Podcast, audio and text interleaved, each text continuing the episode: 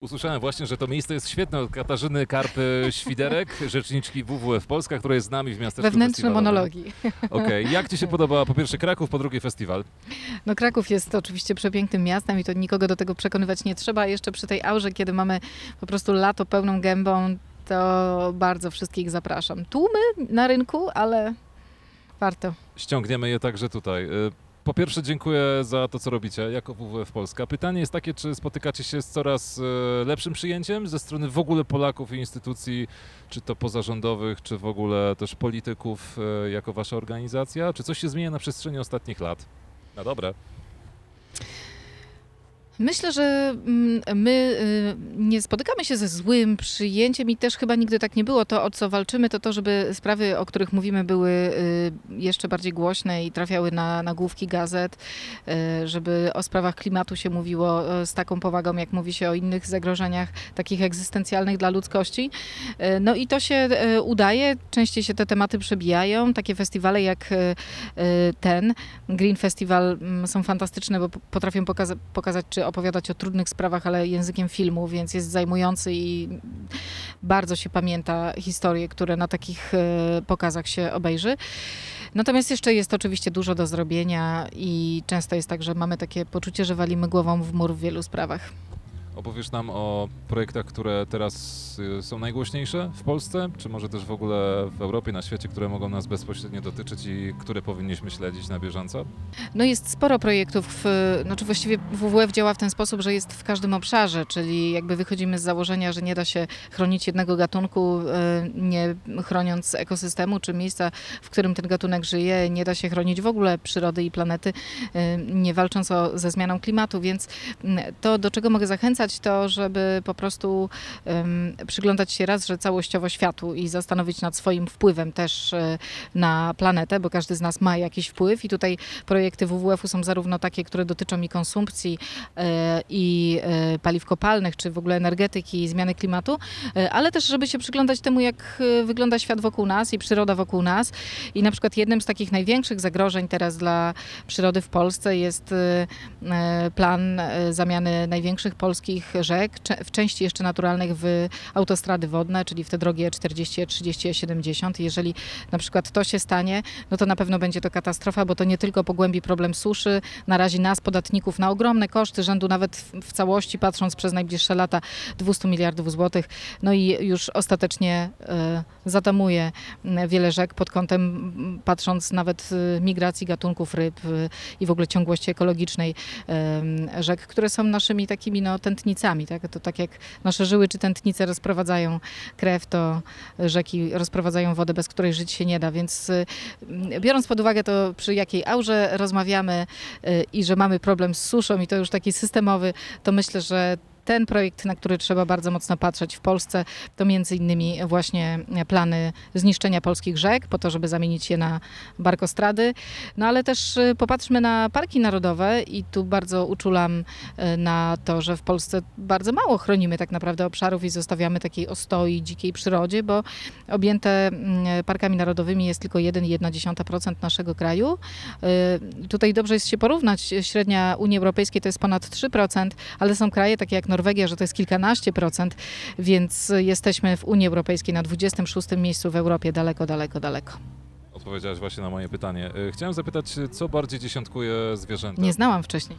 E, Co bardziej dziesiątkuje zwierzęta? Czy nasze bezpośrednie działania, mam na myśli kłusownictwo, czy jednak degradacja środowiska i jakby działania, które może nie wpływają na zwierzęta wprost, ale jednak ograniczają e, tak naprawdę ich zasięgi i bytowania, ich ekosystemy? Wszystko. Ale jeżeli popatrzymy na taką skalę e, problemów, ważności problemów pod kątem tego, jak zwierzęta e, znikają z naszej planety, no bo przecież każdego roku znika kilka tysięcy gatunków, no to na pewno na pierwszym miejscu jest to, że zabieramy im ziemię, czyli coraz bardziej e, przekształcamy lądy i tak już przekształciliśmy 75% lądów, więc zwierzętom zostawiliśmy tylko 25%. E, A do tego robimy to dalej i jeżeli będziemy w tym tempie to robić, to 2050 rok zastanie nas w sytuacji, kiedy 90% lądów to są te zagospodarowane przez ludzi przekształcone, a 10% dla dzikiej przyrody, co oznacza koniec dla różnorodności biologicznej na świecie w dużej mierze.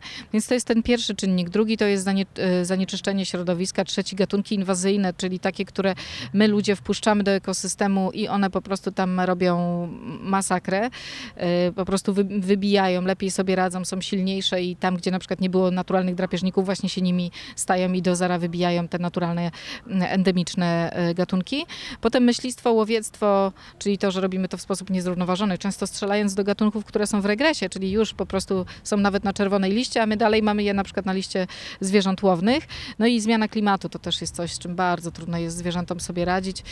Dla niektórych po prostu w niektórych miejscach nagle okazuje się być za ciepło, dla innych za sucho, dla jeszcze innych za mokro. No i y, na- można to nawet sprowadzić do tego, hmm, że my jako ludzie też mamy z tym problem, że adaptacja do zmian klimatu przychodzi nam z coraz większym trudem. W wielu domach, właściwie patrząc na ilość dni w roku, to czasami bardziej by nam się przydała klimatyzacja niż y, y, ogrzewanie. No wiem, że nie u wszystkich, ale mi się zdarza ostatnio, że zimą praktycznie nie używam ogrzewania, a zim, latem nie używam klimatyzacji, bo jej nie mam, ale jakbym ją miała, to pewnie by mnie to kusiło. No i coraz więcej ludzi, którzy mieszkają w miejscach nawet takich wydawało się wysoko uprzemysłowionych, myśli o tym, żeby zmienić swoje miejsce zamieszkania, bo na przykład w takiej Nowej Zelandii, czy na przykład na Tasmanii, może w Nowej Zelandii nie, ale na przykład na Tasmanii zaczyna być za gorąco, nawet dla ludzi. Ludzie nie są jeszcze ginącym gatunkiem, ale wszystko Ale kiedyś mieliśmy stronę. taką kampanię, e, jestem zagrożonym gatunkiem, nie ginącym, ale zagrożonym, bo faktycznie e, jeżeli będziemy w taki niezrównoważony sposób e, dalej funkcjonować i przejadać tak zasoby planety, no to stami e, zagrozimy również naszemu własnemu gatunkowi i bytowi. Chciałem zapytać jeszcze o e, tak naprawdę zagrożenie gatunków, e, jeśli dysponujesz takimi statystykami. E, jak stoimy z tym w Polsce na tle może Europy? Czy możemy się porównywać do innych krajów? Jest dobrze, źle? Jesteś tutaj optymistą, czy raczej jako kraj rozwijający się tym bardziej mamy więcej do zrobienia? No, myślę, że rozwijający się to już byliśmy takim krajem. Teraz jesteśmy krajem rozwiniętym, jednym z, jedną z największych e, gospodarek świata w pierwszej 25, więc na nas ciąży już teraz taka duża odpowiedzialność za, e, za to, co robimy i to jest trochę tak, że to już na nas się patrzy i to my musimy być tym podciągać poprzeczkę, żeby inni szli za nami.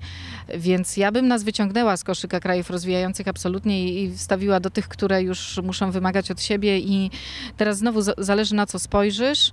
Jeżeli popatrzysz na ilość parków narodowych, to wyglądamy fatalnie. Jeżeli popatrzysz na e, poziom emisji na jednego obywatela, no to wyglądamy fatalnie na tle e, średniej unijnej. Em, więc tutaj jest źle, no ale oczywiście będą takie mm, też obszary, w których nie jest źle, bo na przykład ciągle jeszcze mamy trochę naturalnych rzek, około 25% naturalnych, y, co jest i tak niezłą średnią w porównaniu do unijnej. No ale najgorsze, że nie zawsze bierzemy to, co najlepsze z Europy i nie uczymy się na europejskich błędach, tylko najpierw musimy przetestować to u nas, żeby potem powiedzieć, up, to nie był dobry pomysł. Katarzyna Karpa-Świderek była dzisiaj z nami na trzecim Kraków Green Film Festival. Dzisiaj rozmawiamy o zagrożonych gatunkach. Bardzo dziękuję za rozmowę. Bardzo dziękuję. Przyjdźcie, koniecznie.